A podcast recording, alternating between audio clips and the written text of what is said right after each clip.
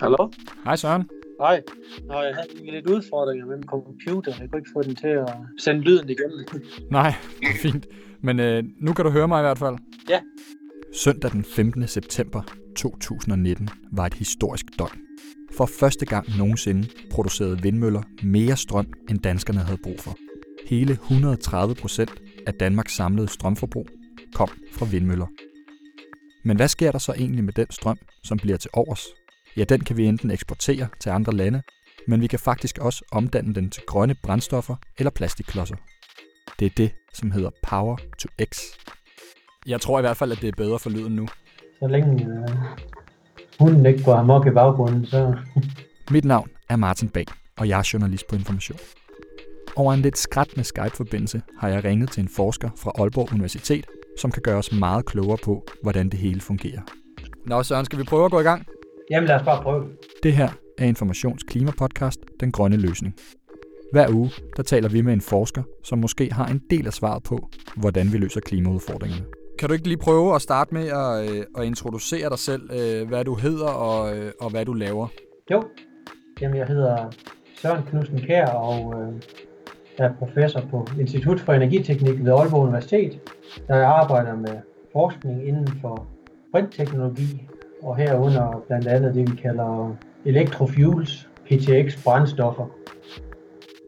Og allerførst, så skal det handle om teknikken bag, hvad Power to X egentlig er. Jamen man kan sige, Power to X øh, betegnelsen dækker over det at konvertere elektrisk energi eller elektricitet til noget andet.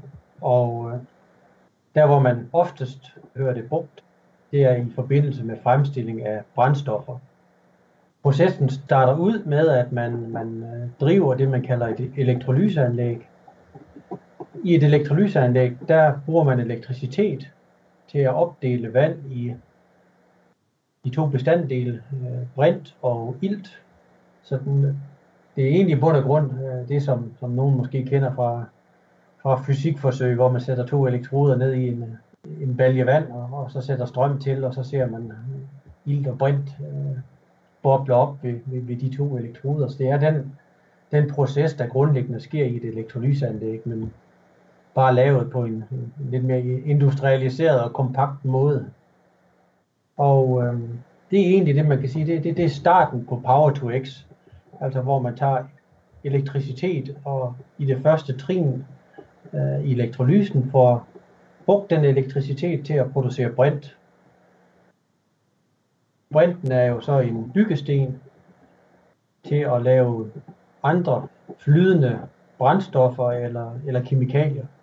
Så man kan sige, at det man egentlig gør, det er, at man laver elektricitet om til, til noget kemisk bundet energi, som man så også har mulighed for at lagre. Så det bliver samtidig en, et energilager. Det vil sige, at hvis man tager øh, navnet på teknologien Power to X, så handler det egentlig om, at man har noget, noget vedvarende energikraft. Det er power, og det tilfører man så til X. Det kan være mange forskellige ting, altså som kommer igennem den her forædlingsproces, du taler om, og kan omdannes til brint, og som så videre kan omdannes til brændstoffer, vi kan bruge til biler, eller måske til fly osv. Er det, er det sådan, det skal forstås? Ja, det, det er faktisk lige præcis det, der er tanken, at, at X egentlig kan repræsentere en, en hel vifte af forskellige slutprodukter, som kan anvendes i forskellige grene af transportsektoren, eller også i, øh, i den kemiske industri. I Sverige arbejder man meget med at, at prøve at, at anvende brint i stålproduktion. Så der er en, en masse energitunge industrier, hvor, øh, hvor brint eller power to x brændstoffer kan, kan gå ind og erstatte den, den fossile. Fælles for alle de her øh, processer er jo typisk, at de går over brint. Så altså man laver øh, brint ud fra elektrolyseprocessen, og det, den forædling eller omdannelsesproces, som så kommer efterfølgende, er jo den, der, der tager brinten som en byggesten, og så kan den lave flere forskellige slutprodukter i en, i en synteseproces, som typisk er øh, en form for katalytisk kemisk proces, men det kan også være en, det kan også være en biologisk proces. hvor man bruger eksempelvis øh, mikroorganismer til at, at danne øh, metan ud fra CO2 og, og brint eksempelvis. Og selve poweren, så øh, strømmen, er det traditionelt vedvarende energi? Altså er det solceller og vindmøller, man, man henter strømmen fra der? Ja, det kan man sige. Det er jo ligesom udgangspunktet for, at, Power to X skal, skal kan bidrage i, i den her klimadagsorden. Det er jo, at den elektricitet, man putter ind, skal komme fra vedvarende energikilder, som eksempelvis sol og vind. Hvis man bruger rent vedvarende energi til at, at komme ind i elektrolyseprocessen, så sparer man jo i princippet alt CO2-udledning. Så vil det produkt, der kommer ud i, i den anden ende af, af produktionskæden, så vil det også være CO2-frit.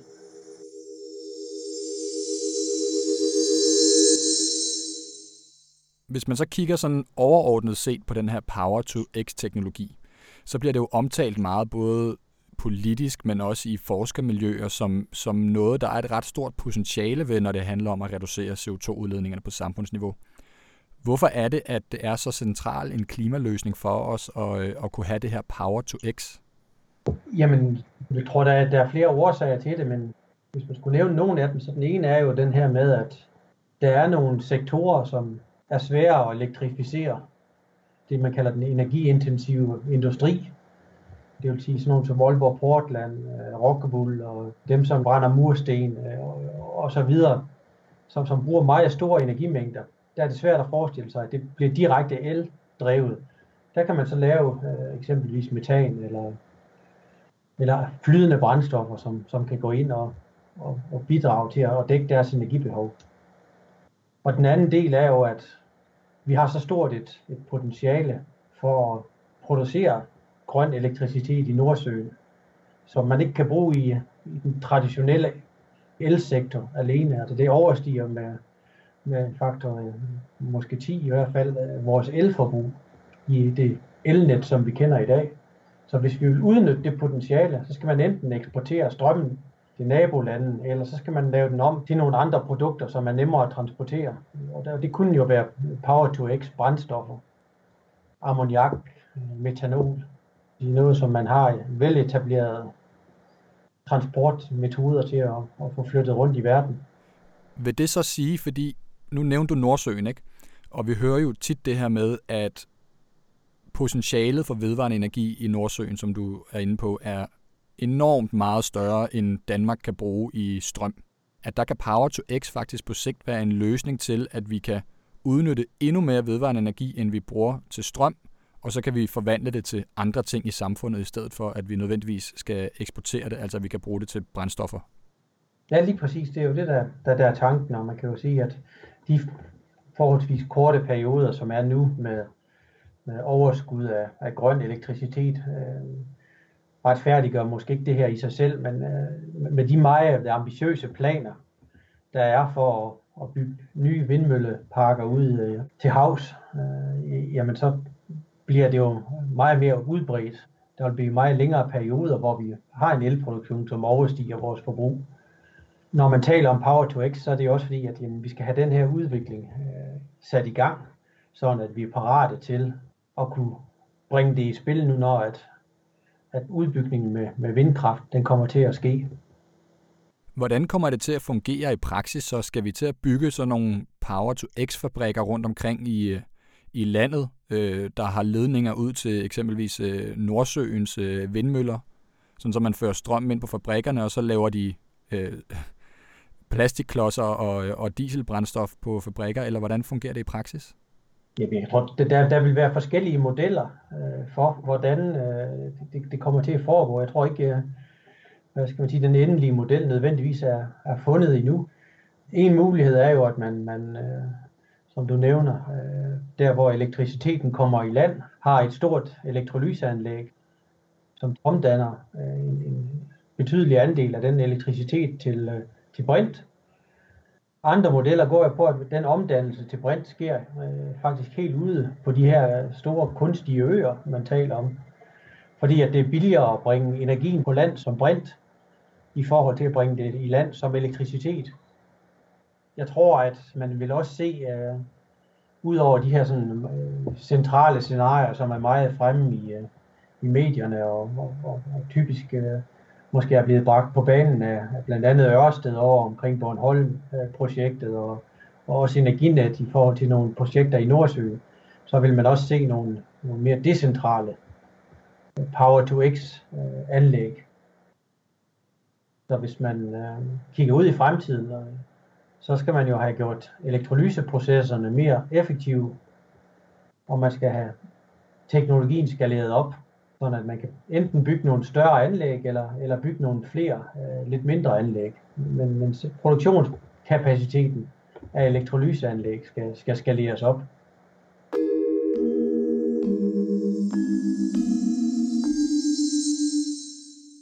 Og nu talte vi lige tidligere om det her med teknologien bag Power to X, og, øh, og hvordan at man egentlig har taget et forsøg for fysiklokalet og udviklet videre på det og, øh, og skaleret det op på sådan industrielt niveau.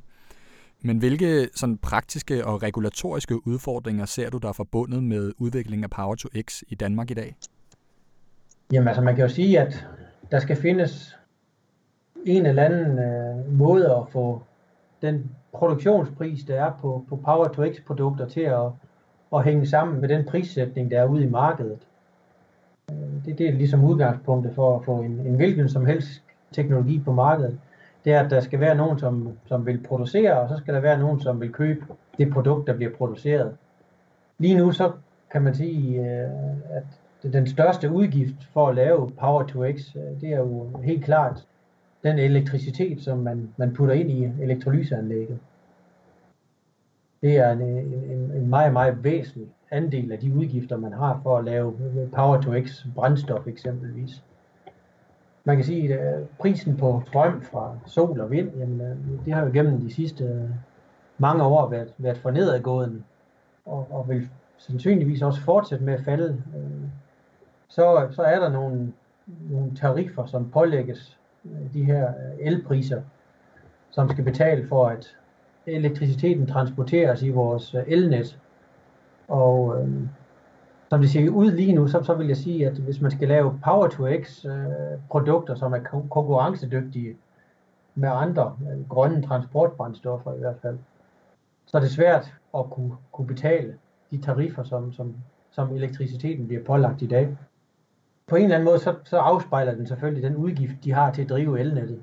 Øh, samtidig kan man så bare sige, at jamen, øh, man ser Power to X som, som en nødvendig teknologi for at balancere det elnet. Så jeg tror, at øh, hvis man vil sikre sig, at, at den teknologi den får lov at, at få rodfæste i, i, øh, i energisystemet, øh, så bliver man nødt til at kigge på, og, i en periode i hvert fald, øh, og mere eller mindre næsten fritstille de her teknologier for, for tariffer, fordi at de hjælper med at, at balancere elnettet.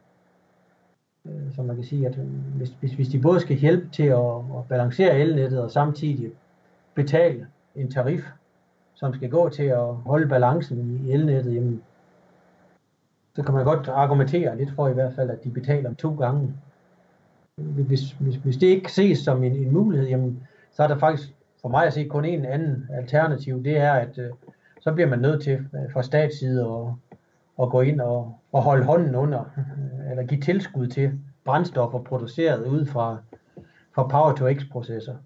Fordi øh, hvis, hvis man pålægges tariffer oven på, på el-spotprisen, øh, så kan man ikke afsætte de produkter på, på et øh, eksisterende marked.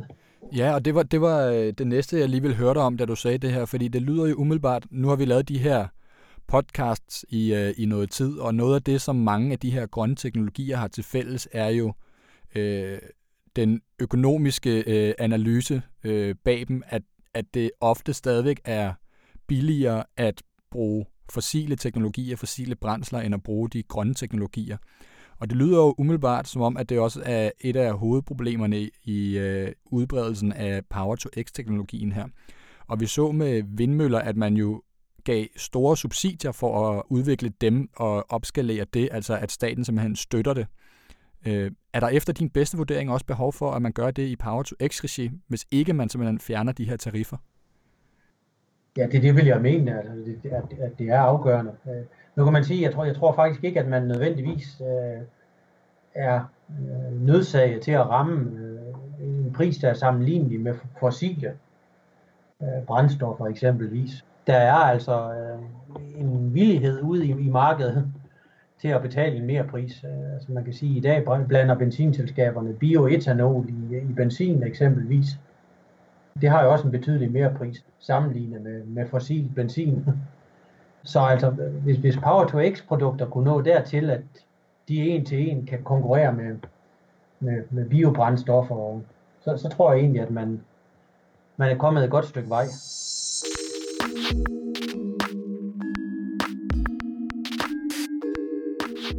Søren Knudsen Kær, tusind tak, fordi du vil øh, tale med os i dag om Power-to-X-teknologien. Ja, velkommen. Super. Tak, Søren. Det synes jeg blev rigtig godt. Ja, vi må se, hvordan, det... Ja, jeg synes, vi kom, uh, det kom godt omkring. Det var alt for denne gang. Tak til Søren Knudsen Kær, og også tak til dig, der lyttede med. Giv os endelig en anmeldelse i iTunes, eller der, hvor du ellers lytter til podcast. Hvis du gerne vil blive klogere på corona, klimaet og alle de andre store begivenheder, der former vores verden, så prøv information gratis i en måned. Tilmeld dig på information.dk-prøv nu. Abonnementet stopper af sig selv, når prøveperioden udløber. Dagens afsnit var klippet af Anne Pilegaard, og med redaktionen er også Anton Geist og Louise Drivsholm. Vi lyttes ved.